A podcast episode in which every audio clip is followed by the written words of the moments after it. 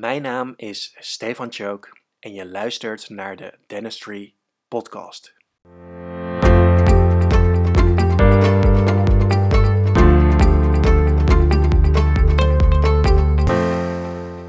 Van harte welkom bij weer een nieuwe aflevering van de Dentistry Podcast. Uh, vandaag aflevering nummer 17 en ik heb hier zo de verbinding met uh, Breda, waar niemand minder dan uh, Willemijn van den Hout plaats heeft genomen hier in de virtuele studio.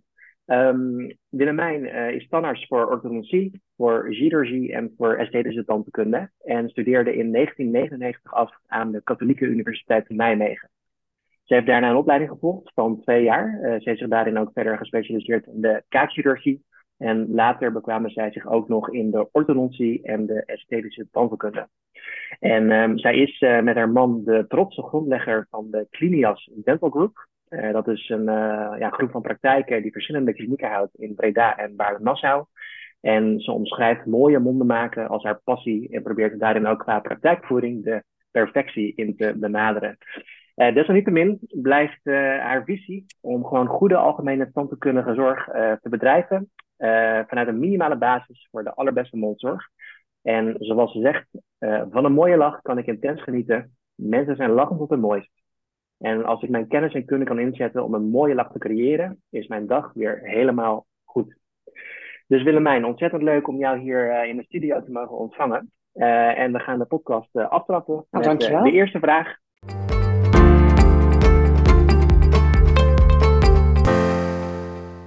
En de eerste vraag is de vraag die wij aan alle docenten stellen. En dat is namelijk, uit wat voor soort gezin kom je? Nou, ik uh, ben geboren in Utrecht, uh, in een studentenhuis. Uh, mijn ouders studeerden allebei nog. En mijn wiegje werd tijdens het afstuderen van mijn vader... ja, eigenlijk in de woonkamer gezet, want meer ruimte was er niet. we zijn toen, toen ik een jaar of zes was, naar Twente verhuisd. En ehm, waar mijn vader hoogleraar werd op de Universiteit Twente. Hij ging toegepaste onderwijskunde onderwijzen. Mijn moeder die, uh, heeft ook gestudeerd, heeft scheikunde gestudeerd en die ging uh, op een lokale uh, een middelbare laboratoriumopleiding chemie geven. Ik heb één zus en ja, ik ben eigenlijk in een heel vredige omgeving, heel rustig opgegroeid. er was altijd in mijn jeugd al wel een link naar Amerika. Mijn vader werkte daar ook veel. We gingen daar veel heen op vakantie. Ik heb, we hebben kunnen reizen. we hebben veel gezien, denk ik, als kinderen van de wereld. en maar wat gewoon echt uh, perfect is, is dat uh, uh, beide ouders hebben ontzettend gestimuleerd dat wij gingen studeren.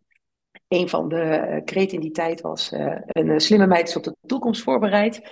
En nou, dat hebben ze fantastisch goed gedaan. En ik ben ontzettend blij dat ik ze nog steeds in mijn leven mag hebben. Dus ja, ik ben eigenlijk zonder kleerscheuren heel gelukkig opgegroeid. Wat leuk. En um, wat doet je zus dan? En mijn zus is jurist. En uh, die werkt inmiddels uh, uh, voor de Belastingdienst of voor een orgaan wat bij de Belastingdienst hoort. En ehm, ja, zij is ook carrièrebewuste vrouw. die net als ik denk ik heel goed de combinatie kan maken met een gezin. En um, ja, wij, wij ik denk dat je wel kan zeggen dat wij twee power girls zijn geworden. En dat is uh, zeker niet op de laatste plaats een gevolg van onze opvoeding, denk ik. Dus we hebben erg veel geluk gehad waar onze wieg stond. Kijk eens aan. En hoeveel jaar schelen jullie dan? Twee jaar. Twee jaar. Twee jaar. Ik ben de oudste. En ook de dominantste. en zij is de jongste. En nou, we hebben ontzettend goed contact. We wonen helaas niet dicht bij elkaar in de buurt. Zij woont in het oosten van het land nog steeds, in Lochem. En uh, ja, dat is toch wel twee uurtjes uh, rijden, maar we hebben kinderen in dezelfde leeftijd en uh, we gaan gezamenlijk op vakantie. Dus ja, het, het, eigenlijk allemaal heel harmonieus. harmonieus heel, heel fijn. Wat fijn, inderdaad, ja. hey, wat wilde jij altijd worden als je later groot zou zijn? Nou, schrik niet. Ik denk dat ik vier jaar was en dat ik tegen mijn ouders zei dat ik hartchirurg wilde worden. Uh, waar elk meisje stewardess wilde worden. Of, uh, of uh, nou ja, maakte, maakt niet uit wat. Schoonheidsspecialisten liep ik rond en ik zei ik wil hartchirurg.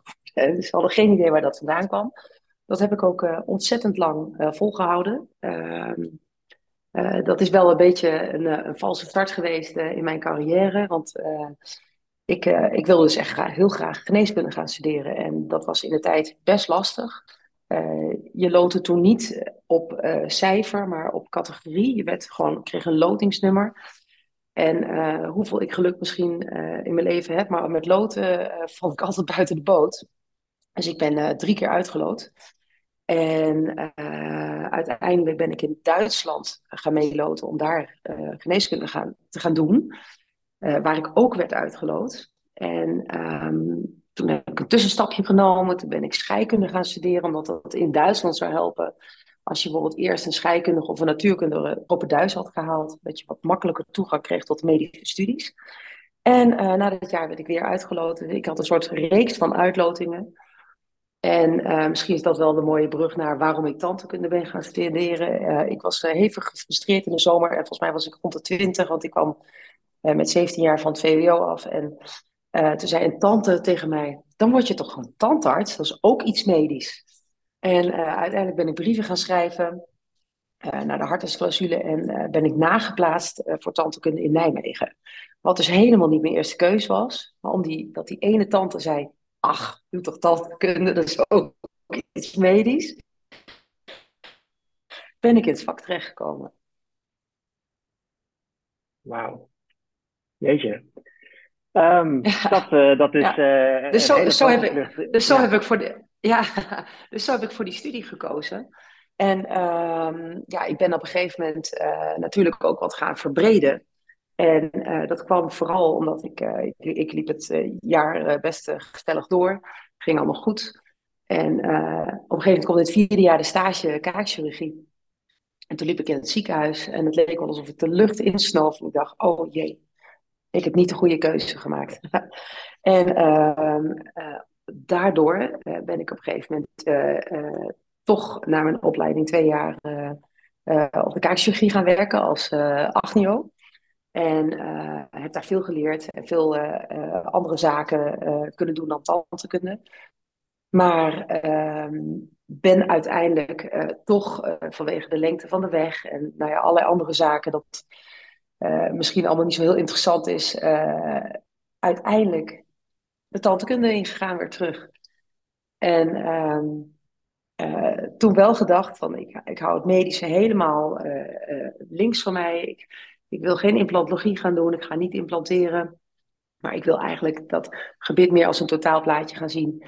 En uh, dat noemden ze toen nog niet reconstructieve tandheelkunde, maar ik uh, ben toen wel uh, die hoek op gegaan om eigenlijk alle subonderdeeltjes bij elkaar te rapen om uiteindelijk reconstructief tandarts te worden. Of in ieder geval die soort tandheelkunde te gaan beoefenen. Alright, interessant. Dus um, ja. jij ging in je vierde jaar ging jij meelopen bij kaakchirurgie. dat ja. vind jij leuk? Uh, je bent mij opleiding, ja. ben je nog twee jaar kaakchirurgie gaan doen als uh, agnio, zei je? Ja, ja. Wat betekent arts? Uh, assistent geneeskunde, niet in opleiding. Dus ah, okay. we deden eigenlijk, we stonden op OK's, we hadden dienst, deden trauma's. Ehm, ja, je, je, liep eigenlijk naast degene die wel degelijk in opleiding waren, ja, een heel programma mee. dat bestaat tegenwoordig niet meer. Uh, maar op die manier, we hebben alle, ik heb nou honderden, honderden verstandskiezen verwijderd, apex gedaan, uh, kleine chirurgische ingreepjes, uh, de grote OK ook aan alle denkbare OK's meegedaan. En ehm, ja, de, trauma's, nachtdiensten, eerste hulp, alles hebben we gedaan. Superleuk. Um, maar dat vond ik ook wel goed na die tijd. Wow. Na die twee jaar. Toen had ik wel zoiets, ja, dat is wel oké. Okay is genoeg. Ik ben heel even, ik ben, cool, ik, ik ben heel even benieuwd, want hoe, hoe werkt dat? Want ik bedoel, er zijn ook veel mensen die willen kijkchirurg worden. Um, die willen ook nog wel eens eerst in een traject zitten van hè, nog niet een opleiding tot specialist, totdat ze een plek krijgen. Ja. Of ik weet niet, ja. um, hoe, hoe werkt dat ongeveer en hoe zat dat bij jou dan? Nou, uh, toen in die tijd had je dat je uh, uh, twee paden had. Althans in de academische ziekenhuizen in Nijmegen werkte ze met agnio's en met AJO's heette dat geloof ik, assistent in opleiding. En die assistent in opleiding hadden natuurlijk al de geneeskunde afgerond. En gingen daarna als, voor de specialistenopleiding. En de agnio's, ja, daar moest je voor solliciteren. En daar hadden ze er een één of twee. En in mijn geval had ik nog één collega agnio. En ehm, ja, wij draaiden poliokaast. Uh, werden daar natuurlijk gewoon ja, telshow doel opgeleid. En ja, dat was echt wel een hele leuke tijd.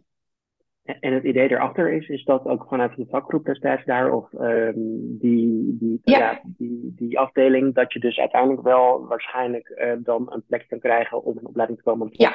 kaartchirurgman. Zeker, ja. zeker. Kijk, um, ik, ik was ook gestart met de, de geneeskunde uh, ja, op te starten.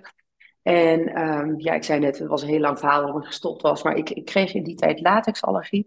En uh, de ziekenhuizen waren nog niet latexvrij, dus ik kon die handschoenen niet meer aan. En um, vooral op de OK was dat een probleem. Dus uiteindelijk heb ik uh, om die reden eigenlijk afscheid moeten nemen van de geneeskunde of van de kaakchirurgie.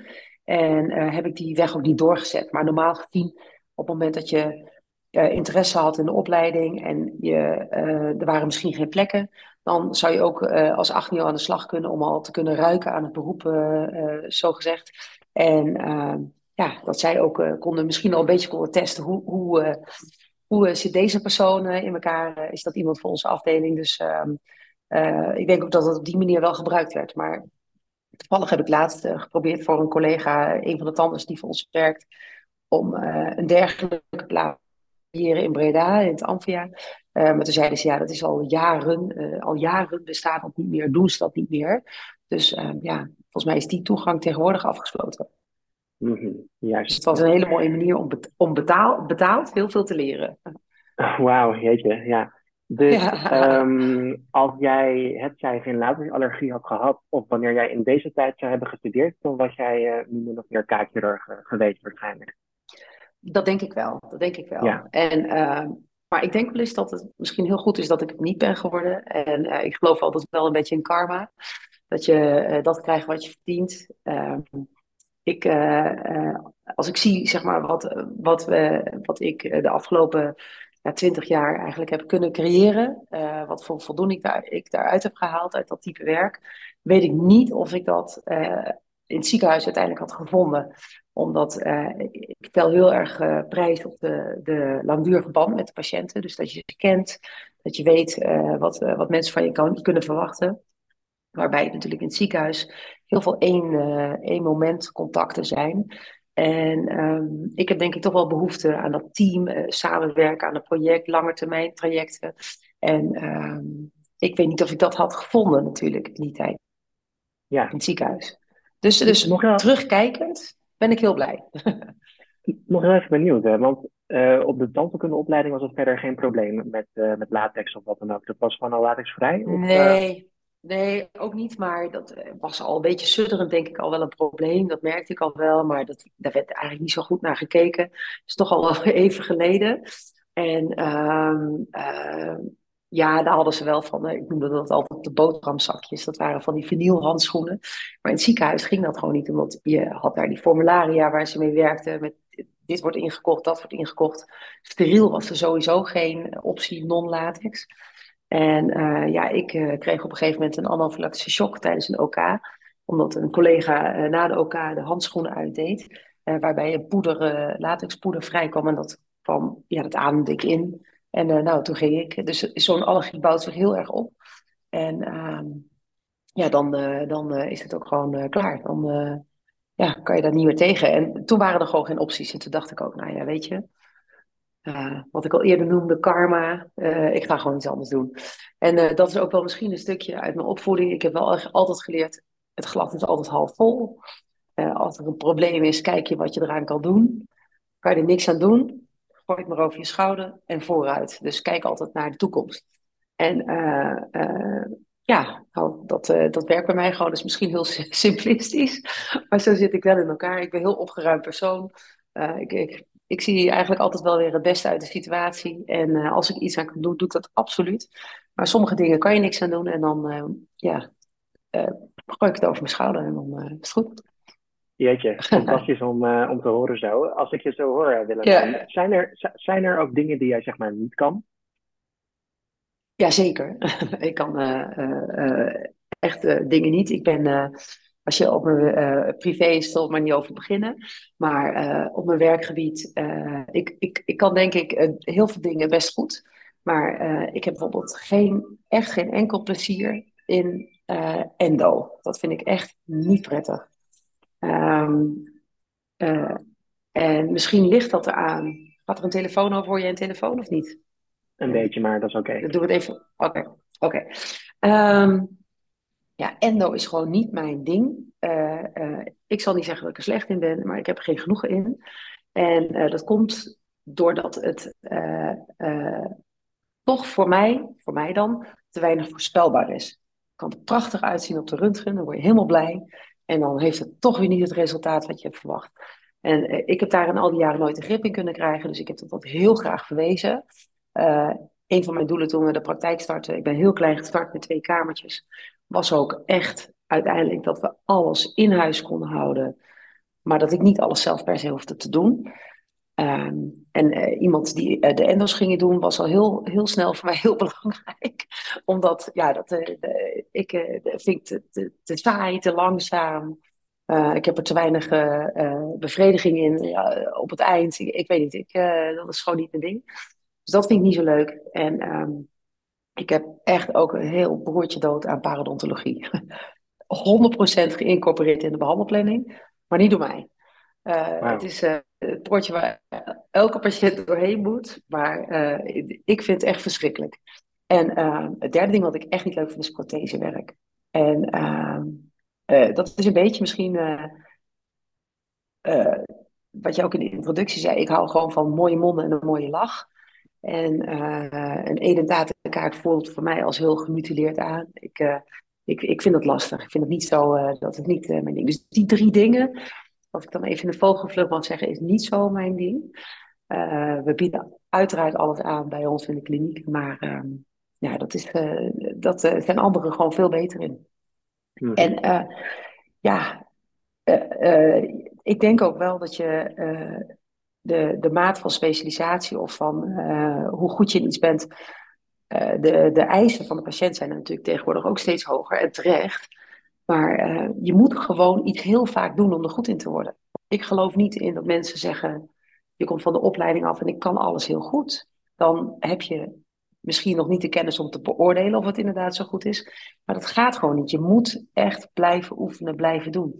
En ik zie ook echt nog, nou ja, ik sta bijna niet meer aan de stoel, maar uh, tot twee jaar terug uh, heel veel nog aan de stoel. En uh, dan, ik, ik kon de namen in de patiëntenkaarten zien als dat op, of in de agenda zien.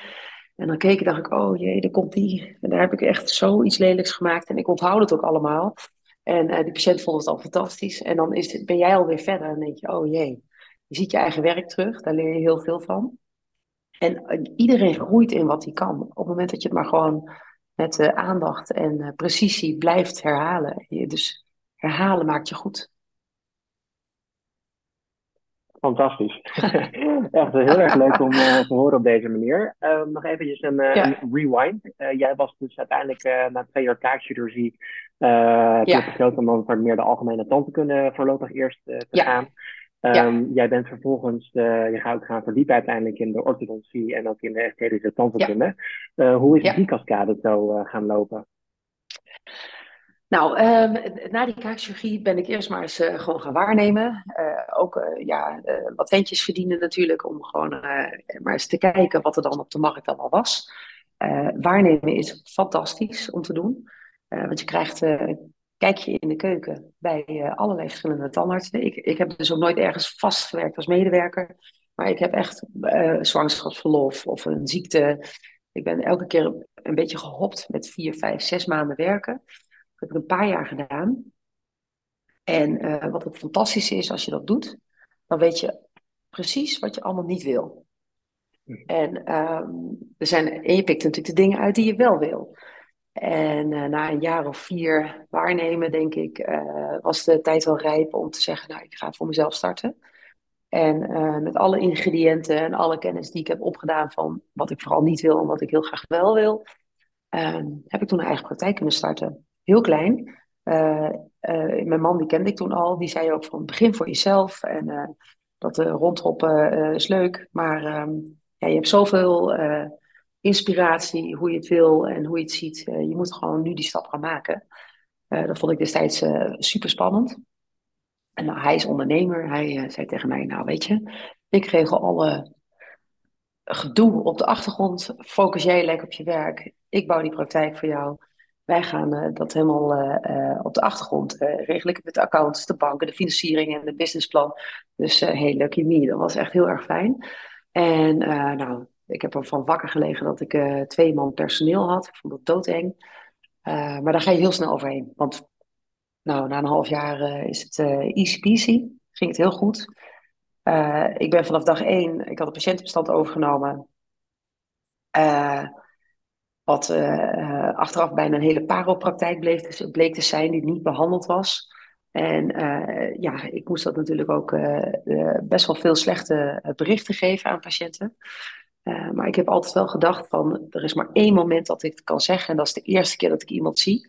Want als ik het na een half jaar ga zeggen of na een jaar ga zeggen, dan neem ik het stokje een beetje over. En dat wil ik niet. Dus ik heb een enorme leegloop gehad. Er liepen ontzettend veel mensen weg. En, uh, want die, ja, die dachten van, nou, nieuwe praktijk, die moet natuurlijk geld verdienen, weet ik het wat allemaal. Maar mijn man die zei, dat is fantastisch, laat maar gebeuren. Want zo creëer jij de patiënten die voor jouw verhaal gaan, voor de lange termijnvisie die jij hebt. En uh, die mensen gaan reclame maken. En die zorgen weer voor andere mensen die ook hetzelfde gedachtegang hebben. Nou, lang verhaal kort, zo ging dat dus ook. Dus in een half jaar was mijn praktijk voor de helft leeg. En alle helft van mijn patiënten weg. En uh, twee jaar later uh, wist ik niet waar ik ze moest laten. ik kon ze op het dak stapelen en toen zijn we gaan groeien. En zo is het eigenlijk een beetje gebeurd. Um, toen had ik wel zoiets van, nou, ik vind, ik, vind dat ik alles in de breedte de kennis moet hebben. In mijn tijd, dat is nu, ik ben nu bijna 25 jaar tandarts, was er geen dentistry. Zoals jullie fantastische initiatief. Maar moesten we echt alles zelf bij elkaar schrapen. Je kon naar de KNMT jaarcongres. En uh, nou, dat was echt uh, allemaal. Uh, ik, ik zei altijd de blauwe blazer vrouwen knopen in die tijd dan. allemaal, ja, gewoon ouderwets, verschrikkelijk. En toen ben ik echt heel actief gaan zoeken en gaan reizen. En ehm, ben ik in Amerika naar Spier geweest om te gaan trainen. ik ben al heel snel met de digitale tandkunde in, in contact gekomen. Dat doe ik ook al, denk ik, 15 jaar. Ook al digitaal designen, liepen we ook tegen van alles aan. Maar um, ja, ik heb wel echt daar doorgezet. En in dat kader um, had ik al heel snel in de gaten dat we dat hele concept van die tanden eerst recht zetten, dat dat ontzettend belangrijk was als je een goed eindresultaat wilde gaan bereiken. En dat heb ik eerst gedaan met vastapparatuur voor mijn eigen patiënten. Um, en uh, ja, dat was natuurlijk uh, uh, ja, af en toe nog best wel een uitdaging. En op een gegeven moment kwam er natuurlijk de transparante beugels. heb ik eerst met een ander merk gewerkt. En toen ben ik helemaal uiteindelijk overgegaan bij Invisalign. En daar is wel echt de ultieme klik gekomen met de behandelplanning en de digitale planning. Dus die, die ortho was wel voor mij de sleutel ja, tot gewoon een hele mooie tandheelkunde. Klinkt ook uh, naast uh, opnieuw een, uh, een heel mooi verhaal als die ideale man die je daar naast je hebt staan, zeg maar. um, nou, ik, ga, de, ik ga deze podcast niet, ik ga deze, ik ga deze podcast niet laten luisteren. maar dat is wel zo. Knippen. Ja, ja nee, nee, nee, we knippen het er niet uit. Laat maar lekker zitten. Nee, ik heb hem tijdens een, een zeiltrip in Griekenland ontmoet. En hij kwam ook uit de tandheelkunde, is geen tandarts. Hij zit in de productontwikkeling voor tandheelkunde. Er zijn ook wel een aantal producten, misschien in het verleden, die jullie misschien nog wel of niet kennen, van zijn hand. Thermafil is bijvoorbeeld origineel door hem ontwikkeld. Uiteindelijk verkocht aan Densply. hij is nu bezig met een bedrijf, dat heet Sumox. dat is een nieuwe manier van uh, steriliseren. En ik mag het nooit steriliseren noemen, want dat is het niet. Het is uh, een, eigenlijk een hogere variant ervan. Dat, uh, ja, dat product dat gaat binnenkort uh, de markt op. En dat is echt, ja, hoe noem je dat? earth shaking. Want het hele sterilisatie-wasproces gaat dan in 10 minuten, geloof ik. En um, ja, dat is een hele mooie machine. En daar zijn ze ook in Eindhoven op de high-tech campus mee bezig. En ja, dat is eigenlijk een beetje zijn inval. Hij zit aan de zijdelingskant van de tandheelkunde, dus in de ontwikkelkant. Wow. En hij heeft mij altijd zwaar, zwaar ondersteund in dit vak. En het nastreven van mijn passies. Ja. Hey, nog even terug naar dat waarnemen van jou. Um, ja. Je gaf aan op een gegeven moment van, hè, je weet na zo'n uh, periode, na het aantal van jaren waarnemen, heel goed wat je wel en wat je niet wil. Um, ja. Weet jij nog wat jij heel graag wel en wat jij uh, ook vooral niet wilde? Nou, um, wat ik niet wilde, was praktijken waar de patiënten echt doorgedraaid werden. Um, ik heb in praktijken gewerkt waar soms misschien twee minuten waren voor een controle, tien minuten voor een gezin met allemaal controles. En uh, ja, ik heb, ja, ik, heb altijd heel erg geloofd in ontzettend veel tijd steken in het praten met de patiënt. In het duidelijk maken waarom bepaalde behandelingen belangrijk zijn. Uh, en dan, dan hoef je daarna eigenlijk minder aandacht te besteden aan discussies, aan ehm, vragen, omdat het voordat je begint allemaal duidelijk is. Bijvoorbeeld als ik een intake doe bij een patiënt, dan eh, gebruik ik daar soms wel drie kwartier voor. En ja, dat is natuurlijk uh, met de tarieven die we in Nederland hebben niet echt een feest.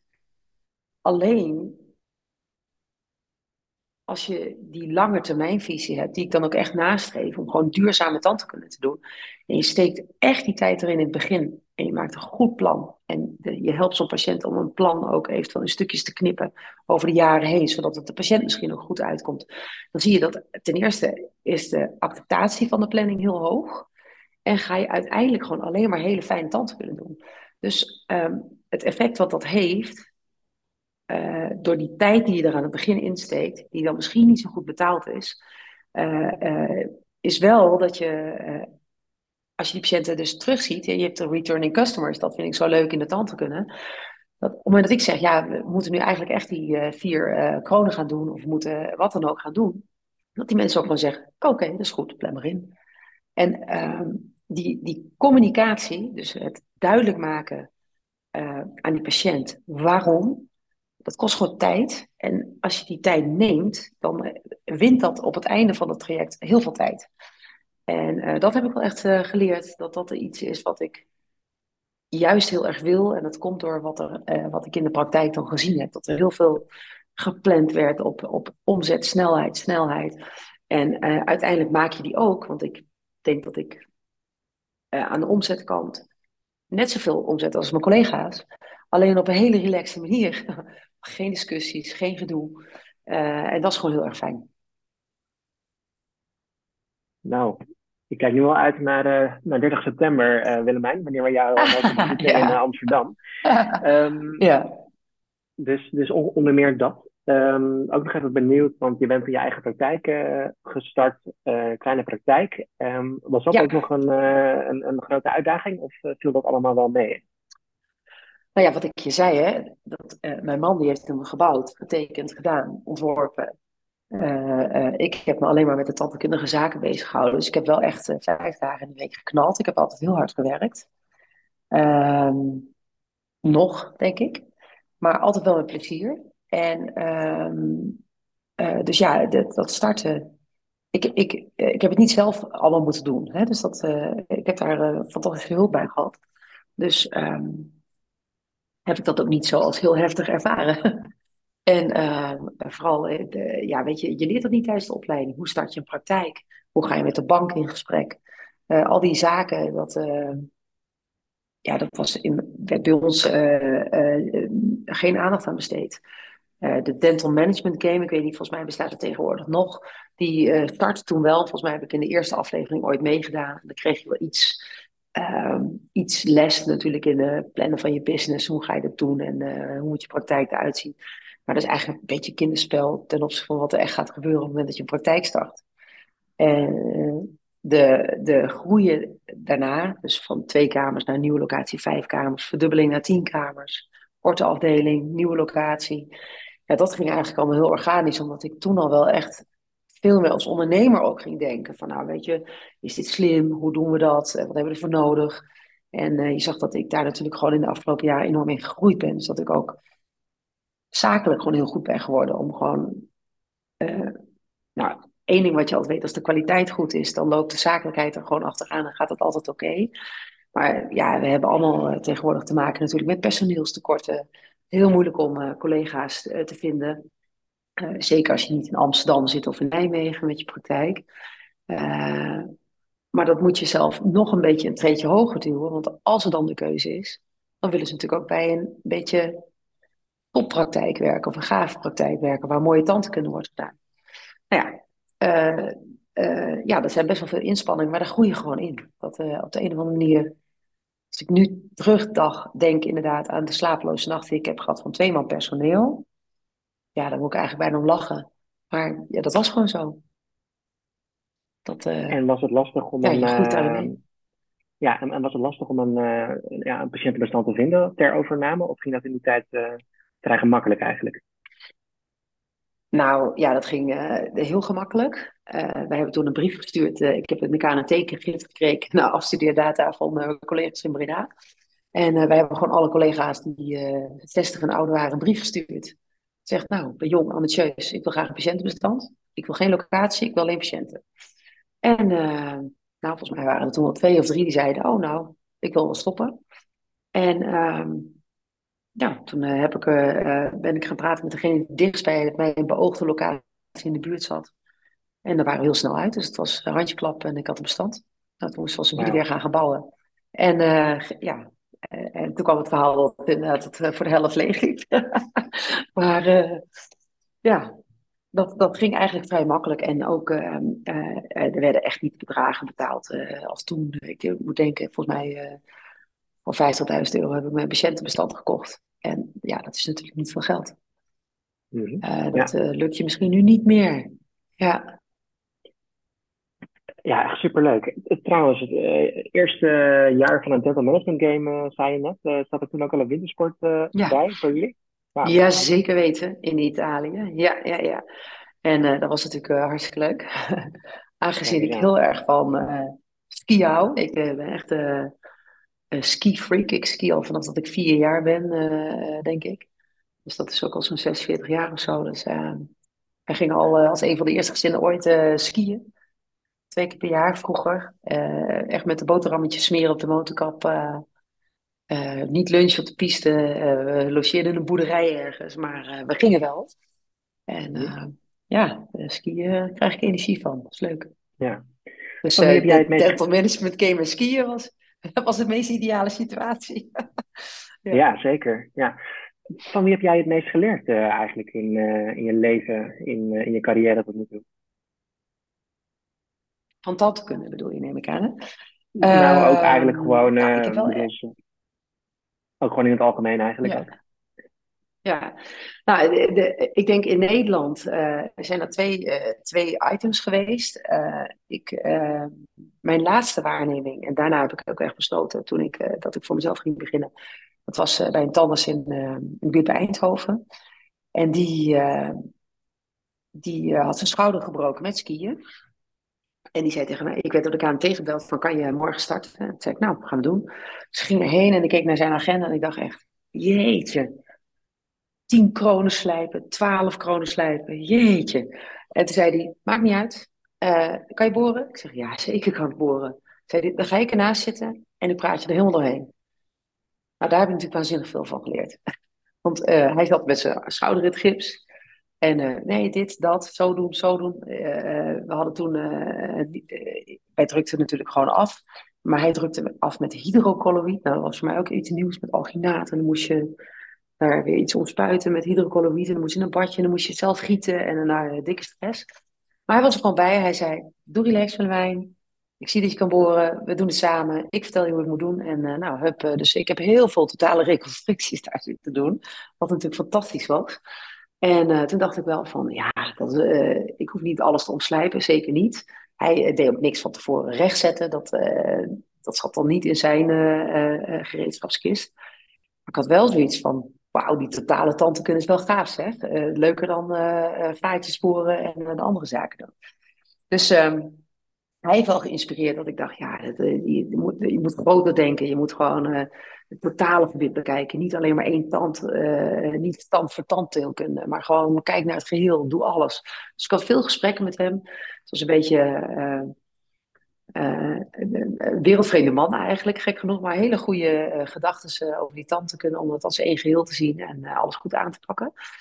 Um, dat is één. En het tweede, ik ben al vroeg aangehaakt.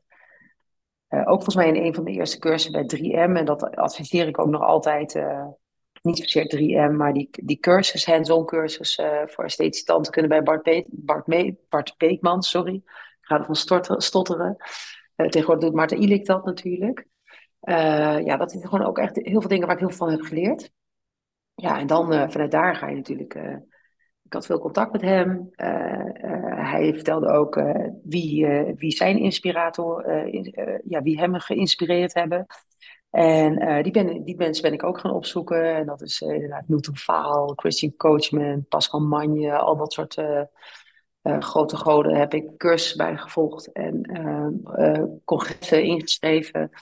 Ik ben laatst nog naar een alumni geweest van Milton Faal in Brazilië. Dan denk je, ja, ik moet er gewoon heen, weet je wel. Dat is zo inspirerend om toch weer elke keer nieuwe dingen te zien.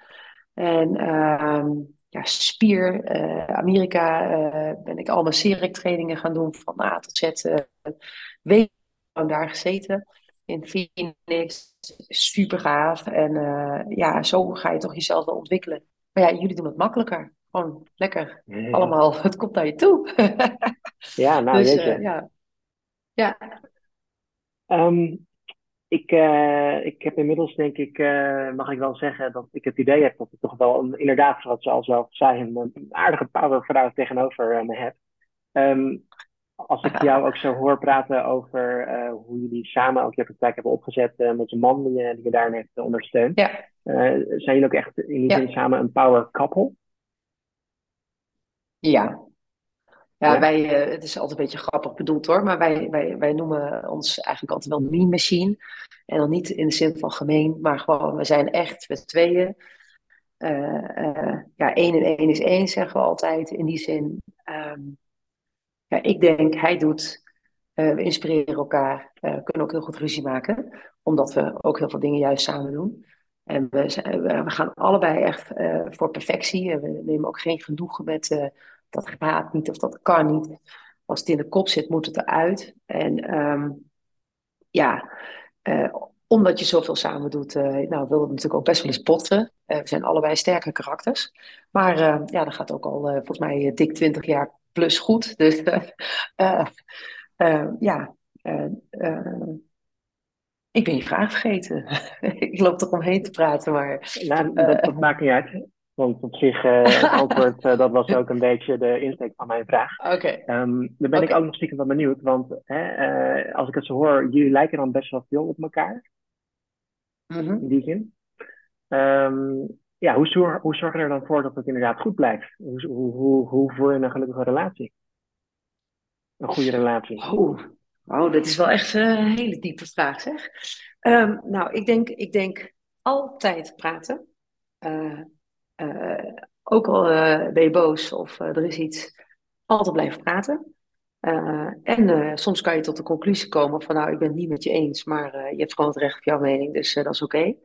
En ehm, nooit met ruzie in de bed. Dat is gewoon, nou, worden drie uur s'nachts, maar dat gaan we niet doen. En nou klinkt het allemaal heel dramatisch en zo is het zeker niet. maar ja, veel leuke dingen samen ook proberen te doen. En dat is ook af en toe best wel een uitdaging, zeker met een druk gezin. En ja, allerlei andere activiteiten die erbij komen. toen onze jongste werd geboren, toen hebben we ook afgesproken, nou we hebben één keer in de week date night. Donderdagavond, vaste oppas. Maakt me niet uit wat we gaan doen, maar wij gaan om zes uur de deur uit en we zijn niet voor elf uur thuis. We schrokken af en toe ervan, van, is het alweer donderdag? Is het alweer donderdag? Dus zo raas je door die tijd heen. En um, uh, andere dingen waar we gewoon uh, steeds meer voor kiezen. En terugfilmt, hadden we dat misschien ook wel wat eerder moeten doen. Dus wij, wij gaan wel echt voor quality time. Dus we doen graag dingen met familie, met het gezin, met de aanhang, de, de partners van de, de kinderen. En we maken graag memories. Ze gaan ook nog steeds met ons mee op vakantie. Ehm, we zijn bijvoorbeeld laatst twee weken naar Turkije geweest. En zijn we naar Cappadocië gegaan om te ballon varen. Uh, dat was even een bucketlist dingetje. Dat vond ik echt, uh, wil ik echt per se doen. Nou, fantastisch. En ja, herinneringen maken met elkaar. make memories. En geld maakt alles zeker makkelijk, maar niet per se gelukkig. En ik denk ook dat je het gewoon moet kunnen delen met de mensen om je heen. En waarbij je ja, vooral gaat voor quality time. Dat je echt aandacht hebt voor elkaar. Wauw. Ben jij gelukkig, Willemijn? ja, ik denk, ja, uh, ja, volmondig ja. Ik ben een heel, uh, heel opgeruimd, gelukkig persoon. En uh, misschien al wat ik eerder zei in die podcast, ook wel doordat ik gewoon echt positief naar het leven kijk. Eigenlijk het glas altijd half vol zie. En niet half leeg. Ik zie altijd opties. En nee, ik ben happy. Hele, hele happy persoon, ja. ja. Waar word jij blij en gelukkig van? wat geeft jou die kwispels daar? Vind ik echt een hele leuke uitdrukking. Nou, uh, uh, zakelijk gezien of vaktechnisch gezien kan ik dus echt gaan kwispelen van hele mooie monden. Er was een keer een meisje, een hele jonge meid met schitterende tanden en die was op haar Sweet 16. Uh, zijn ze uiteindelijk de stad ingegaan en die was achterover gevallen in een luik bij een cafeetje. En uh, voortanden helemaal afgebroken. En daar hebben we toen echt een project van gemaakt. Niks ontziend. We moesten het gewoon echt helemaal perfect herstellen. En dat wordt dan zo mooi. En als je dan ziet wat het geluk is bij zo'n persoon van... oh, het is zo mooi geworden. Het is uh, onnavolgbaar, niet herkenbaar, mooi. Goede technici gebruikt. Prachtig porselein gebruikt. Het ziet er waanzinnig uit. Echt as nieuw. We konden het helemaal kopiëren omdat we een scan hadden van de oude situatie. Daar zal ik tijdens de cursus ook heel veel over hebben. Over scannen, scannen, scannen, vastleggen. Uh, dus we konden één op één een kopie maken. Uh, het geluk wat er dan toch na de pech die ze heeft gehad ervan afgehaald, dat maakt mij echt super happy. Dat is vaktechnisch. Um, privé, uh, ja, gewoon tijd met familie. reizen, zeilen, skiën. Ehm, ja, work hard, party hard. Zorg, voor een goede balans. En um, nou, als ik terugkijk, heb ik misschien in het begin wel te hard gewerkt. Had ik vaker even op de rem moeten trappen. Maar tegenwoordig heb ik dat heel goed uh, onder de knie. dus uh, ja, nee, ik, uh, ik denk dat dat wel een beetje het recept is om te gaan kwispelen. Wauw. En, en je hebt het net over balans.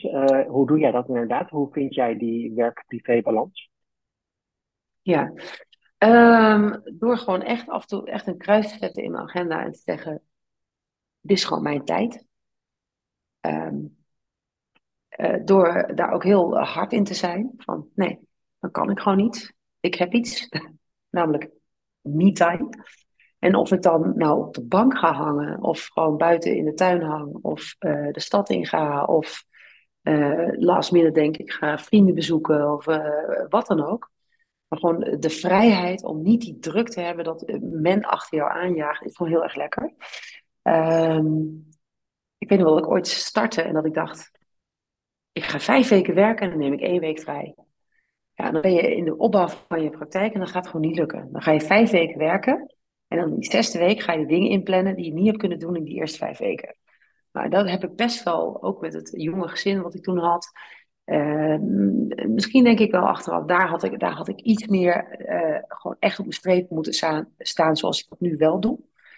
En durf, want ja, ik, uh, ik, ik, kies er ook gewoon voor om die tijd voor mezelf te hebben. En dat dan met mij en met mijn gezin ja, te besteden. En ja, toch, toch gewoon ja, durven te kiezen voor jezelf. En dat, klinkt, dat bedoel ik niet egoïstisch, want ik geloof ook altijd alleen maar dat als je zelf heel goed in je vel steekt, dat je misschien voldoende rust hebt of iets anders wat je gelukkig maakt, ook goed kan zijn voor anderen. Dus nee leren zeggen. Gewoon zeggen, nee, sorry, dat doe ik niet. Daar zal ik ook wel een stukje uh, die, die vrijdag of zaterdag over hebben. Dat, ik zeg ook gewoon nee tegen patiënten als ze bepaalde behandelingen van me vragen. Nee, dat doe ik niet. En dat, is, dat is heel bevrijdend om gewoon lekker nee te kunnen zeggen. Wordt ook gezegd, hè? Een nee tegen een ander is een ja tegen jezelf. Ja, nou, dat vind ik nog mooier. Die had ik nog niet oh, eerder gehoord. Oké, nou, bij deze. Ja. Um, ja, ja. Jij, jij, bent moeder, ja, jij, bent moeder, jij hebt een uh, gezin. Hoe oud zijn je kinderen? Nou, ik heb, uh, mijn man had al twee zoons uh, toen ik hem leerde kennen. Ehm, die zoons waren toen jong, 9 en 13, als ik me goed herinner. Die zijn natuurlijk nu hartstikke volwassen met eigen carrières en, en vrouwen, vriendinnen. Die wonen allebei in Amsterdam. Eentje werkt voor Boston Consultants en de ander voor Marklink. Dus zijn meer de zakenkoeken ingegaan. En wij hebben uiteindelijk nog een, een, een nakomertje gekregen. Uh, dus ik heb één eigen kind en twee bonuskinderen, om het even heel modern te zeggen. Maar we zijn wel echt een, echt family met, met ons vijven.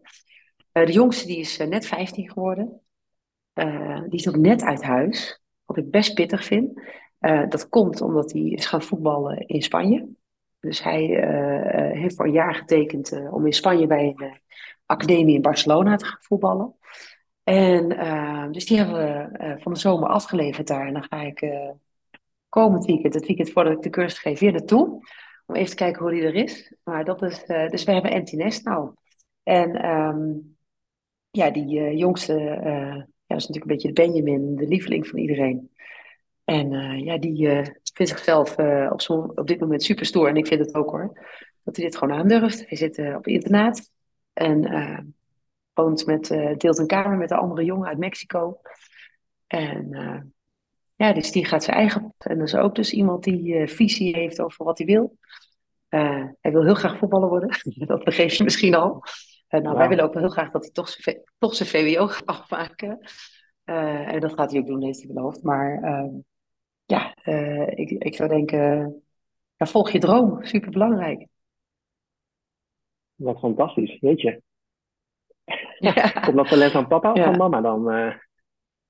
Nou, uh, papa is ijshockeyer en mama was volleyballer en daarna hockeyer. Ik heb wel zelf vroeger op hoog niveau, ik heb Eredivisie volleybal gespeeld, dus ik heb wel op hoog niveau gesport, maar uh, nee, dit komt uh, de oudste twee jongens, dat zijn, uh, die kunnen wel goed skiën en al dat soort dingen, maar die zijn ook geen balsporters. En hij, ja, hij is gewoon super goed dus ja, daar ben ik wel trots op. Leuk.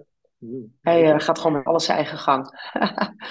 ja, dus het is weer een, een empty nest, zeg je. En is het dan ook weer elke night date ja. night? Ja, dat merk ik wel. Elke night date night. Dus nee, we gaan. je hebt, ik heb in één keer zeeën van tijd. s'avonds in het weekend, ja, komend weekend is het gewoon leeg. Dus heerlijk. Moet ik nog even wennen. Het is net pas twee weken, dus misschien verveelt het al heel snel. Maar ja, we hebben tijd aan de hand tegenwoordig. Ja. Wat, wat zijn de dingen die jij graag doet in je vrije tijd?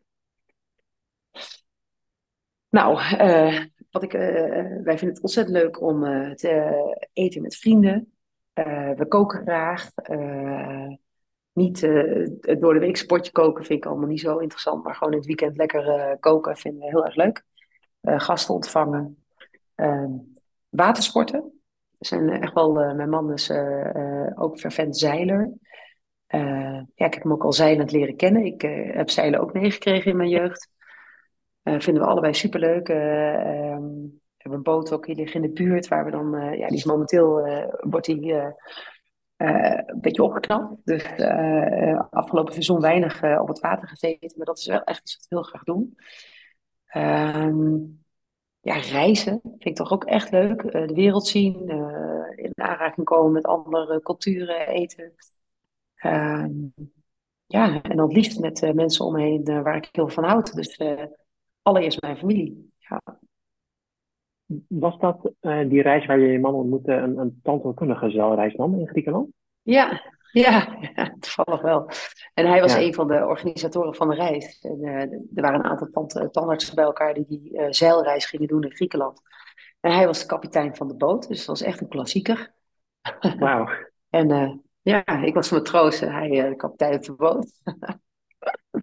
en zo, is zo, zo hebben we elkaar wel ontmoet. Is al lang geleden, maar ja. ja. Ja, er wordt wel eens gezegd dat, um, ja, zowel als man als als vrouw misschien, maar de, de, de, de vrouw zoekt vaak in, in haar partner iemand die op haar vader lijkt. En de man die zoekt vaak in een partner iemand die op de moeder lijkt, wordt wel eens gezegd.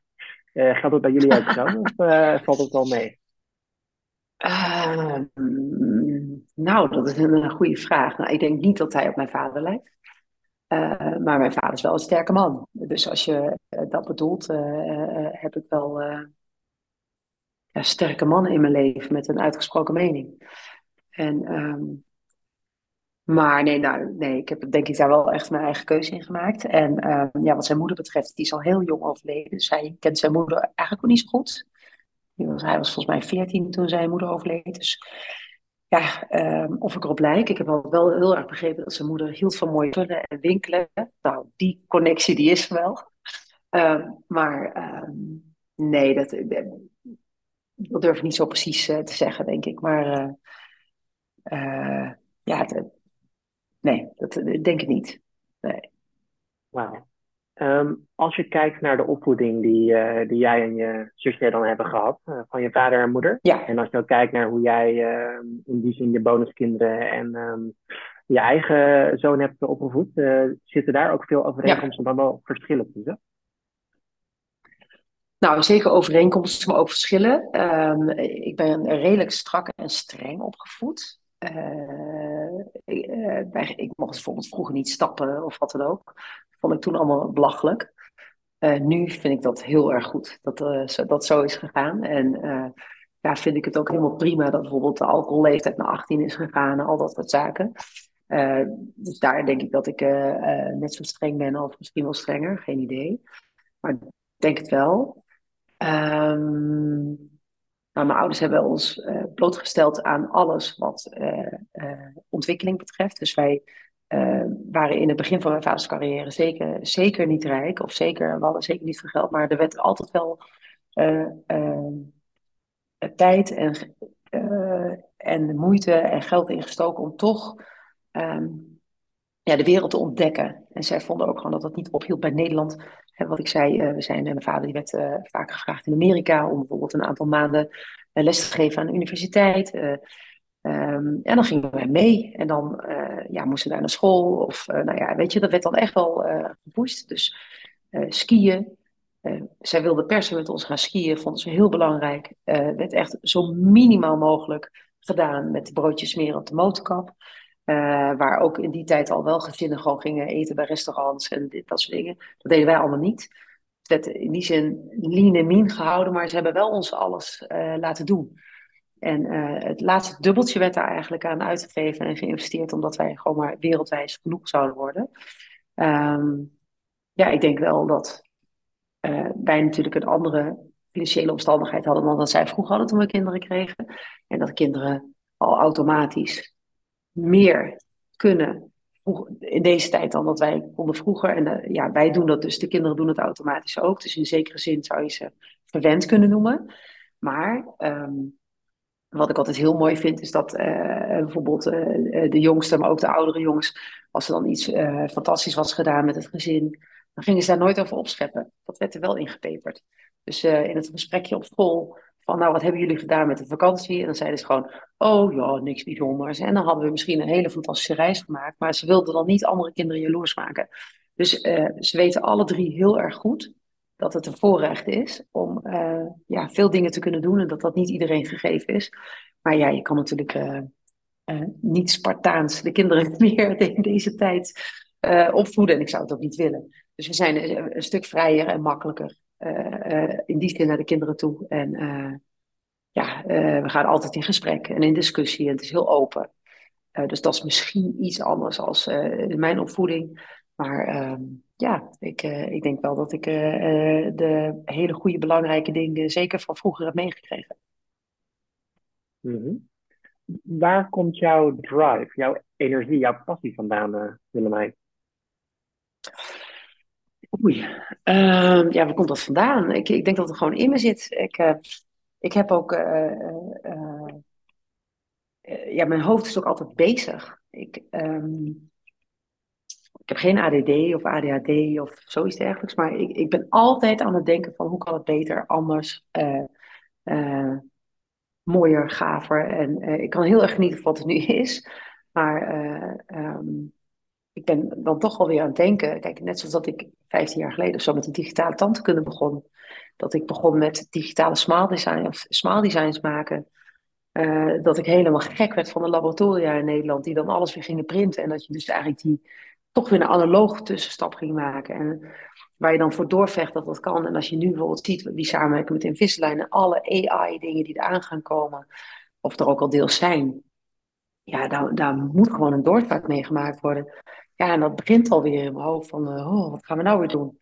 Dus uh, weet je, uh, praktijk van de toekomst. er zijn zoveel ideeën die in mijn hoofd zitten. Om een energie-neutrale praktijk, green, echt full digital. Zorgen dat ja, AI, alles, ja, weet je, gewoon proberen daar iets nieuws voor te gaan bedenken. Dat, is, ja, dat blijft altijd wel in mijn hoofd zitten. En dat gaat ook niet op stop. En ik vind het ook gewoon heel leuk. Want ook al zou ik niet, ik, ik, ik heb niet het gevoel dat ik moet werken, maar ik zou dit altijd blijven doen. Ik zou niet weten waarom ik het niet meer zou doen. En ik zou misschien niet zelf aan de stoel staan, maar wel uh, met die concepten bezig zijn in mijn hoofd. En het grappige is, uh, mijn vader is nu uh, eh, 75 en die werkt ook nog steeds. Die reist nog, die geeft nog lezingen internationaal op congressen. En die is ook gewoon, die zegt ook, ja, ik ga er niet stoppen met werken. En uh, hij doet dat niet voor het geld, maar gewoon omdat hij dat zit erin en dat moet eruit. mm -hmm, Ja. Um, beschouw jij jezelf als um, succesvol?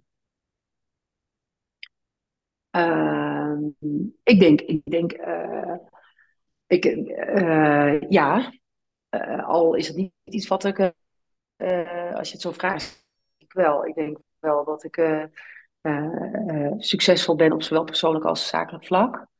Ehm, ik heb er ook heel hard voor gewerkt altijd en nog steeds. Met veel plezier. En dat is denk ik wel uh, het kernwoord. Maar het is niet een streven geweest om succesvol te zijn.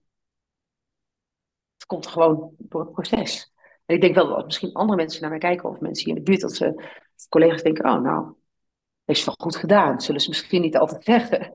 Maar ja, ik, ik, denk wel dat ik uh, uh, van alles wat we aangepakt hebben een succes hebben gemaakt, ja. Wat is het geheim van, jou, van jouw geluk en jouw succes? Nou, ik, ik, uh, gewoon een, een, een, pad volgen, zeggen dit ga ik doen. En dan ook gewoon niet door het eerste beste korreltje of steentje in je schoen stoppen met lopen, maar gewoon goed nadenken over wat je wil. Goed nadenken ook wat, waar, waar je, wat, wat jou gelukkig maakt. Hè? Dus ik, ik vind het gewoon altijd echt wat jammer als jonge collega's spreek die zeggen: Ja, ik zou er eigenlijk ook wel heel graag willen om gewoon lange termijn visies te schrijven voor de patiënten, maar dat lukt gewoon niet of het gaat niet. Gewoon just do it, weet je wel. Begin, zeg gewoon: vanaf morgen ga ik dat doen. En uh, heb een plan in je hoofd. Zorg gewoon dat je een plan maakt. En dat hoef je allemaal niet op te schrijven, maar zorg dat je goed erover nadenkt en dan doe het gewoon. Ja, ik, ik weet niet hoe ik alles moet zeggen. Ja, nou ja, goed, het is interessant. Uh, ik bedoel, uh, ik zou je zeker als succesvol uh, bestempelen. Um, ook wel benieuwd eigenlijk, je gaf aan van we vinden het leuk om uit eten te gaan met vrienden. Um, zijn er ook vrienden ja. die een beetje net zoals jullie zijn allemaal? Of zit er ook juist heel veel diversiteit in? Nou, we hebben denk ik uit alle lagen van de bevolking hebben wij vrienden. Van, ehm, nou, ik heb eigenlijk bijna helemaal geen tandarts als vrienden. Eén hartsvriendin, maar dat is het dan ook wel. Tandartsen zie ik natuurlijk zakelijk en die ontmoet ik ook zakelijk. op congressen of waar dan ook, en dan ken ik natuurlijk best wel wat. Maar al mijn vrienden komen niet uit de tandkunde, nee. Dus die komen wel uh, ja, via via uit de buurt. Uh, uh, er zitten, zitten dokters, notarissen, chirurgen, alles zit ertussen. Maar ook bouwvakkers, huisvrouwen, ehm, voetbalmoeders. alles, eigenlijk alles wat door elkaar. Dus we hebben best wel een gemeleerde vriendengroep. Mm Kijk eens aan. Stel je voor, ja. je zou je leven weer uh, opnieuw mogen doen. Je zit weer in je eindexamenjaar van het uh, VWO. wat zou je allemaal Ja. gaan doen? Wat zou je weer gaan studeren en welk pad zou je gaan volgen? Ehm, ja, dat is een beetje een tricky vraag. Het eindexamenjaar nu, met de opties die er nu zijn, of zeg maar toen, dat ik terugkijk van, eh, eh, als het, als het nu is. Ja, de ehm, kennis van nu. ik ben echt met de kennis van nu en met de studies van nu, dan zou, ben ik, ik ben echt hevig, hevig geïnteresseerd in AI. eh, digitaal, waar ik ook in geïnteresseerd ben, is om dan misschien, klinkt een beetje raar, maar ehm, eh, meer de eh, geneeskunde dan weliswaar in te gaan, maar dan de instrumentenmakerij. Dus wel een eh, technisch vak. Eh, wij mensen weer misschien kunnen laten lopen met computers. Met, eh, ehm, ik weet niet of het zo'n vak is momenteel eigenlijk, maar ik kan me voorstellen dat ik die hoek heel erg leuk zou vinden. Ehm, het is wel technisch. Standkunde natuurlijk eigenlijk ook wel een beetje. Technisch, computers, een beetje die hoek. Medisch. Ehm, maar niet per se ziekenhuizen, geen arts eh, die zijn witte jas rondloopt, maar gewoon meer eh, aan de praktische kant, denk ik. En als dat niet zou bestaan, dan eh, weet ik niet. Ik zou dan iets met mijn handen willen doen, denk ik. Ik ben wel iemand die graag iets met de handen maakt. Dus ik concreter gevraagd. Ja, dus concreter gevraagd. ehm, als je je leven weer opnieuw zou mogen doen, zou je dan weer opnieuw standaards worden? Ehm, ja, misschien wel, maar eh, ja, het ging over als, het, als we dan de kennis van nu zouden hebben, ja, dan zou ik wel heel graag in die hoek zitten van ehm, ja, AI, toekomst, dat soort dingen. Maar goed, dat is, de, die keuze had ik toen niet. en Ja, ja, ja. wie zegt dat ik het niet ga doen, hè? Dus eh, ja. Wat voor soort, eh, wat voor type student was jij überhaupt eh, vroeger in eh, Nijmegen?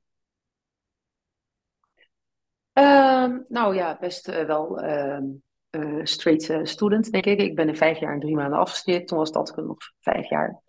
Ehm eerste jaar. Ik, ik, ik, ik heb altijd heel makkelijk geleerd. Middelbare school, VWO, was twee vingers in de neus of weg. ik, wij woonden in Borne, ik zat in Hengelo op school. En dat was, eh, nou ja, weet ik veel, eh, zes kilometer fietsen. Ik deed mijn boek op, op stuur en ik haalde een acht. Geen probleem. Eh, ik dacht, tandkunde, doe ik ook zo. Nou, dat ging dus even niet. En ik weet nog dat ik, eh, eh, ik had mijn propenduis scheikunde gehaald. En toen had ik even contact met mijn leraar chemie.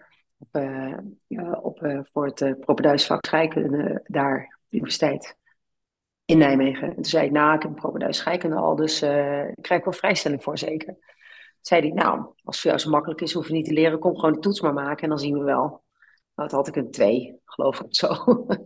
dus eh, toen dacht ik, oh, oké, dat eh, ging dus even niet zo simpel. Uh, nou, toen had ik nog wat meer onvoldoende. En uh, ja, toen uh, tegen het einde van het jaar had ik volgens mij zeven of acht herkansingen van het eerste jaar. En mijn ouders hadden wel gezegd, je gaat dat wel halen. Er is geen optie om niet te halen. Oh, Oké, okay. ben ik heel hard gaan studeren. Dat heb ik ze allemaal gehaald. Dus was even een eindspurtje. En toen heb ik wel gedacht, ja nee, ik, ik moet hier wel iets meer tijd aan gaan besteden dan op de middelbare school. Zo makkelijk gaat het toch niet. dus um, ja, toen ben ik wel wat beter gaan studeren. Maar ik was wel de student van een planning maken. En dan uh, voor twee weken van tevoren voor een tentamen planning maken. En dan na tien dagen de planning aanpassen. Na zeven dagen de planning aanpassen. Na vijf dagen begon de stress. Drie dagen van tevoren dacht ik echt, oh shit. En dan sloot ik me op en dan ging ik gewoon 24 uur leren. En dan haalde ik het gewoon. Maar, um, dus ja, zo'n soort student was ik. Niet zo heel erg uh, organized, denk ik. Uh, heel veel tijd aan planningen besteden die we elke keer weer aanpasten. Maar ik heb wel elk jaar, praktijk was ik heel goed in. En um, theorie ook. Ik, uh, ik, ik, denk dat ik met hele goede punten afgestudeerd ben. En uh, ja, dat ging eigenlijk prima. Maar uh, een beetje opstartproblemen. Ja, nou, dus, dus, dus ja. dat ging wel. Je, daarvoor ben je, wat was het, drie, vier keer uitgelopen. Um, ja. Op een gegeven moment, toen bij die kaakchirurgie na twee jaar, toen je daarmee stopte, had je dan eigenlijk ook niet het gevoel van, jeetje, nu wordt er weer opnieuw een soort van uitgeloot. Nee hoor, nee, nee, nee. Ja, echt, dat is wel echt mijn mentaliteit. Kan ik er iets aan doen? Nee, kon er niks aan doen. Klaar. En dat is echt, ben ik echt, prijs mezelf gelukkig met die karaktereigenschappen. Ik heb daar gewoon geen last van. Dus uh, was gewoon goed. Ja. Hey, en was jij verder ook nog actief binnen studentenverenigingen, studieverenigingen, dat soort dingen? Heb je tijd? Ja, ik, was, uh, ik zat in het bestuur van de Tandheelkundige Faculteitsvereniging in Nijmegen. En uh, was ik vicepresident. Ik was verantwoordelijk voor een stukje onderwijs. En ja, kennelijk doe ik dat nog steeds. een stukje trainen en onderwijs. Dus ja. Mooi. Uh, sommigen zeggen het wel eens, uh, de studententijd is de mooiste tijd van je leven. Uh, ben jij het daarmee eens? Ja, denk het wel. Ik heb, ben lid geweest van Carolus, van het, nou niet het koor, maar een beetje een corporaal clubje in Nijmegen. Ehm, was een mooie tijd. Echt gewoon, ja, heel mooi. ik heb wel het zo strak mogelijk proberen te doen, dat natuurlijk wel wat tijd verloren was in de jaren daarvoor. Dus eigenlijk in die zin had ik ook weinig tijd. Dus had ik er meer van kunnen maken, vast. Maar ja, nee, ik, ik heb er gewoon van genoten. Ik heb een leuke tijd gehad. kan niet anders zeggen. Mm ja. Hoe, hoe ziet uh, nu überhaupt een, um, ja, een week voor jou uit? Qua wat, je doet en, uh, en qua indeling, et cetera. Ja, nou, ik heb het uh, misschien, ik weet niet of dat helemaal duidelijk is geworden uit mijn cv. Ik heb het zeg maar anderhalf jaar geleden de praktijk verkocht. Ik heb een, klein medisch probleem, of nou klein, misschien zelfs best groot medisch probleem, dat ik artrose heb aan mijn rechterhand. Uh, ook aan mijn linkerhand waarschijnlijk, maar aan die van, ik ben uh, dominant rechts, dus daar heb ik het meeste last van. Ik kon niet alle behandelingen meer doen. En um, dus ik, ik, ik ben toen nog meer gaan hangen in die patiëntenplanning, langetermijnplanning maken voor de patiënten bij mij in de praktijk en mijn team eigenlijk alles laten uitvoeren. Ehm, dat, uh, ik, ik ben er goed in, denk ik, om, om uh, die gesprekken te voeren met mensen. Maar ja, daar kan ik geen week mee vullen. Uh, en dat, dat, dat wilde ik ook niet. Dus toen zijn we wel gaan zeggen van nou, ehm, ja, misschien wordt het toch tijd om het te gaan verkopen. In die periode kwam er een, een, twee mensen om de hoek die echt letterlijk op mijn hoek wonen. Die op het platform van mijn drie klinieken, of onze drie klinieken, een, eh, een, eh, een groot geheel wilden gaan starten. En het paste hun eigenlijk heel erg goed uh, dat ik niet meer echt werkzaam was in de praktijk en dus geen omzet produceerde. Dus als ik zou stoppen, dat dat geen effect zou hebben op de onderneming, omdat dat gewoon draaide en liep. En zij hebben mij gevraagd of ik uh, medisch directeur wilde worden, of uh, ja, maar, noem het wat je wil, klinisch directeur van de groep. Dat ben ik dus nu ook. Ik werk drie dagen in de week op kantoor. Uh, waarbij ik uh, een beetje de warmtewisselaar ben tussen de zakelijkheid en de, praktijk. ik zorg voor de training van de tandarts. ik heb contact met, ja, ik ben gewoon klinisch verantwoordelijk voor alles wat daar speelt. En ik heb me gecommitteerd om dat een aantal jaar te doen. en daarnaast werk ik voor Invisalign. En geef ik trainingen aan tandartsen die de onboarding gaan doen tot Invisalign provider. En ja, die probeer ik in, uh, enthousiast te maken voor ja, die brede integrale aanpak in de tandheelkunde. Dus eerst lijn en dan pas restauratief slag. En dat doe ik eigenlijk, daar heb ik mijn andere twee dagen in de week voor. die ik soms wel gebruik, soms niet gebruik. Maar ja, drie, drie dagen echte job. En twee dagen is meer, nou kan ik invullen, kan ik zelfs druk maken als ik wil. En jullie verzoek kwam voorbij om voor Dentistry iets te doen. Nou ja, top, superleuke club. Dat doe ik ontzettend graag. Uh, er komen ook andere verzoeken voorbij. Nou, dat doe ik liever niet. Nou, dan heb ik vrijheid om te kiezen. Hartstikke leuk. Dus uh, dat is mijn week. Wauw. Ja. Um, als, uh, als tijd en rol, of als tijd en geld en eventuele contracten verder geen rol zouden spelen, wat, wat zou je dan doen? Hoe zou je week Hetzelfde. dan indelen? Hetzelfde. nee, ja, ik, ik, uh, ik, ik, uh, ik sta al eerder, ik denk ook niet dat ik ooit met pensioen ga. Ik denk dat ik altijd iets blijf doen. Ik denk dat ik uh, graag bezig ben en ik denk dat ik hetzelfde zou doen. Heel simpel. Mhm. Ja. Waar draait het leven volgens jou om? Wat is volgens jou het geheim voor een goed en fijn leven? Nou, balans, wat ik al zei, work hard, party hard, vind ik ook echt wel een van die dingen die ik altijd roep. Werken en belonen. Ehm, ja, familie, uh, voor de praktijk zeg ik altijd patient first. En alle discussie hebben, de patiënt gaat voor. altijd eerst die patiënt regelen. Zorgen dat het klopt, zorgen dat het goed is. En daarna vecht het op de achtergrond wel uit. En in mijn privéleven zeg ik altijd family first. Dus het gebeurt iets met de familie. Dan ga ik aan. Dan uh, moet alles uit. Family first. En dat geeft mij uh, uh, een goed en fijn leven. Omdat ik dat gewoon belangrijk vind. Mm, yes. Um, heb jij een, een bepaalde soort van top drie aan kernwaarden? En zo ja, waarom? Um, eerlijkheid vind ik denk ik wel echt het aller, aller, allerbelangrijkste wat er is. Ik uh, uh, wil mensen altijd recht in de ogen kunnen kijken. Ik hou niet van uh, liegen en bedriegen. Ehm, en wat daar een beetje aan gelinkt is, misschien ook wel trouw. Ik ben heel, als ik ja zeg, dan doe ik het ook. Of betrouwbaar. Um, het zijn een beetje taaie deugden, denk ik. Um, maar dat is uh, wel een beetje de kern, denk ik, waar het om draait. Als ik tegen een patiënt eerlijk kan zeggen: Dit is het beste voor je, um, ja, dan, dan moet dat ook kloppen. Het, uh, je gedrag moet horen bij wat je uitspreekt. Dus, dus dat hele recht door zee, eerlijk zijn, trouw zijn, door de, door de barrière gaan voor iemand, dat is gewoon heel belangrijk. Mooi, ja. Um, je had het al eventjes uh, genoemd over bepaalde voorbeelden, onder meer de tandheelkunde. Um, heb je verder nog bepaalde inspiratoren en, en waarom?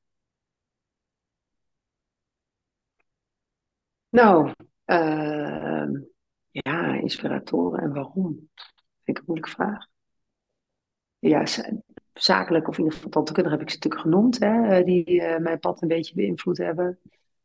Um, privé.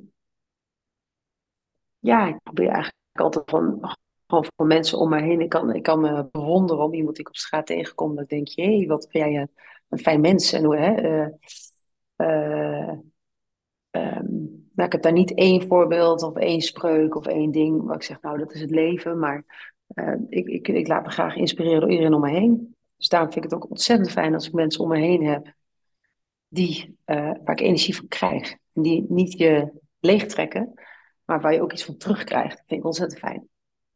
En uh, ja. ja, dat, uh, daar ben ik altijd wel naar op zoek. Juist, ja. Um, heb jij verder nog bepaalde mensen, personen die je graag zou willen ontmoeten?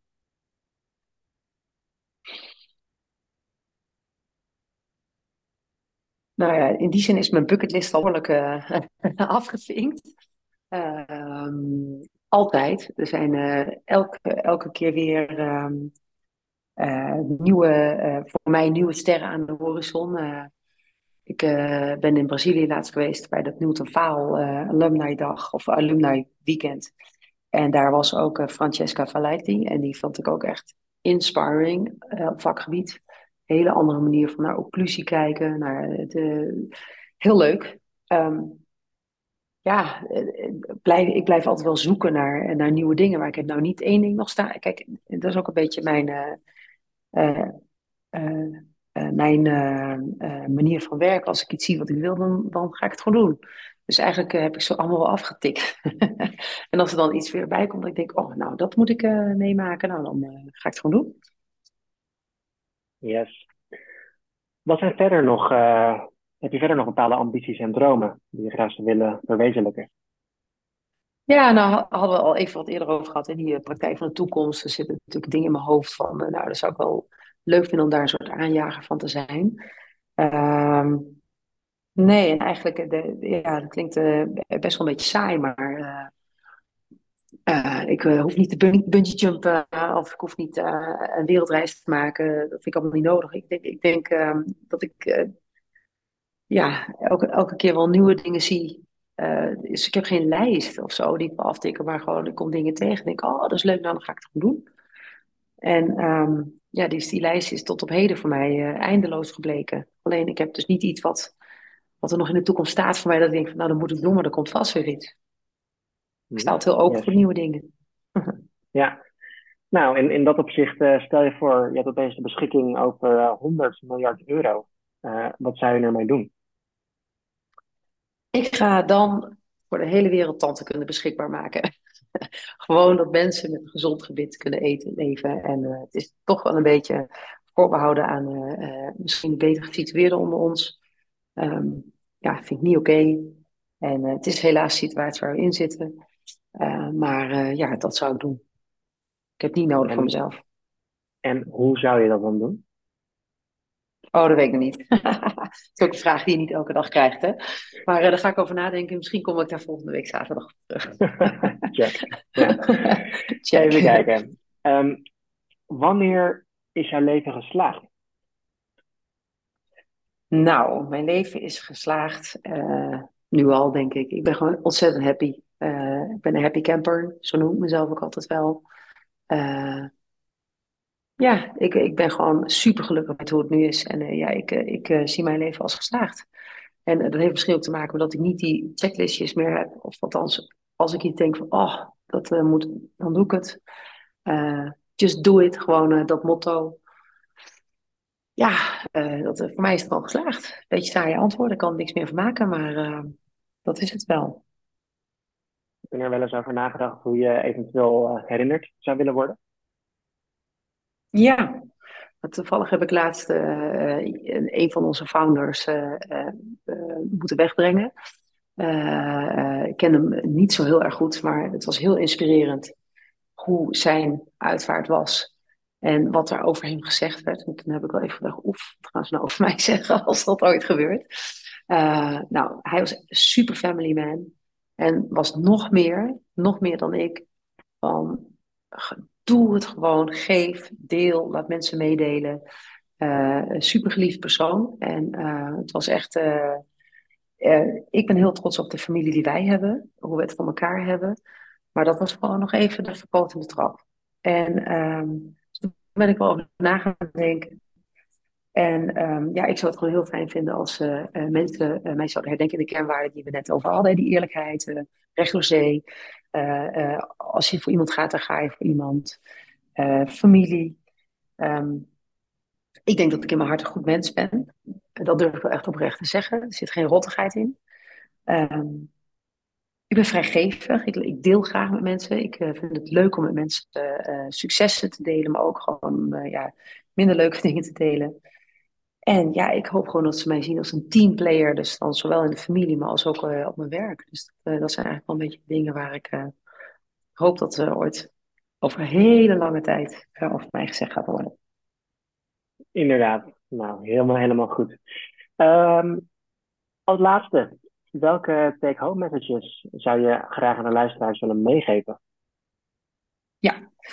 Uh, ga altijd zorg, uh, uh, zorg dat je probeert goed te worden niet. Dus herhalen, herhalen, herhalen. Doen, doen, doen. Altijd doorgaan. Proberen.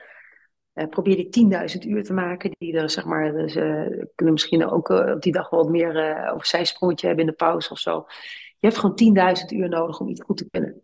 En je kan niet 10.000 uur stoppen in alle onderdelen van het vak. Dus probeer gewoon te focussen op iets waar je goed in bent. Probeer te vinden, wat, zit dat, wat is dat in mij waar, ik, uh, waar, waar mijn, mijn finesses en mijn feelings zitten.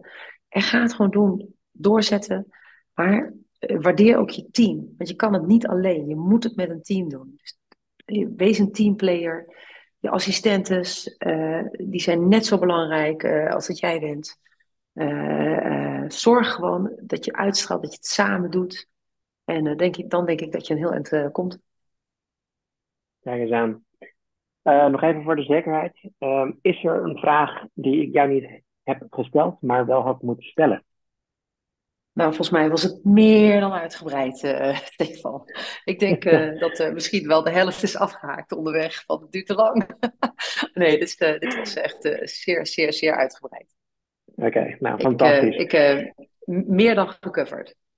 Ja, uh, Willemijn, ik wil jou echt uh, van harte bedanken voor al jouw inspirerende antwoorden, verhalen en uh, adviezen in deze. Ik, heb, ehm, ja, ik, ik ben echt wel onder de indruk, mag ik zeggen. Um, wij gaan jou zien op aanstaande zaterdag 30 september in Amsterdam bij Align Technology voor de masterclass ja. Align Bleach Bond. zet het ja. tanden recht vanuit restauratief oogpunt. Um, nou, ik ben ontzettend benieuwd en ik verheug me ja, heel erg op, op een mooie dag. Um, voor nu wil ik jou graag heel erg bedanken eigenlijk. En naast jou ook natuurlijk weer heel graag opnieuw de luisteraar bedanken voor het ja, luisteren naar deze, hopelijk ook voor jullie, mooie, inspirerende aflevering van de Dentistry Podcast. En um, dan wens ik jullie met z'n allen allemaal nog een hele fijne voortzetting van de dag. En weer graag tot een volgende keer.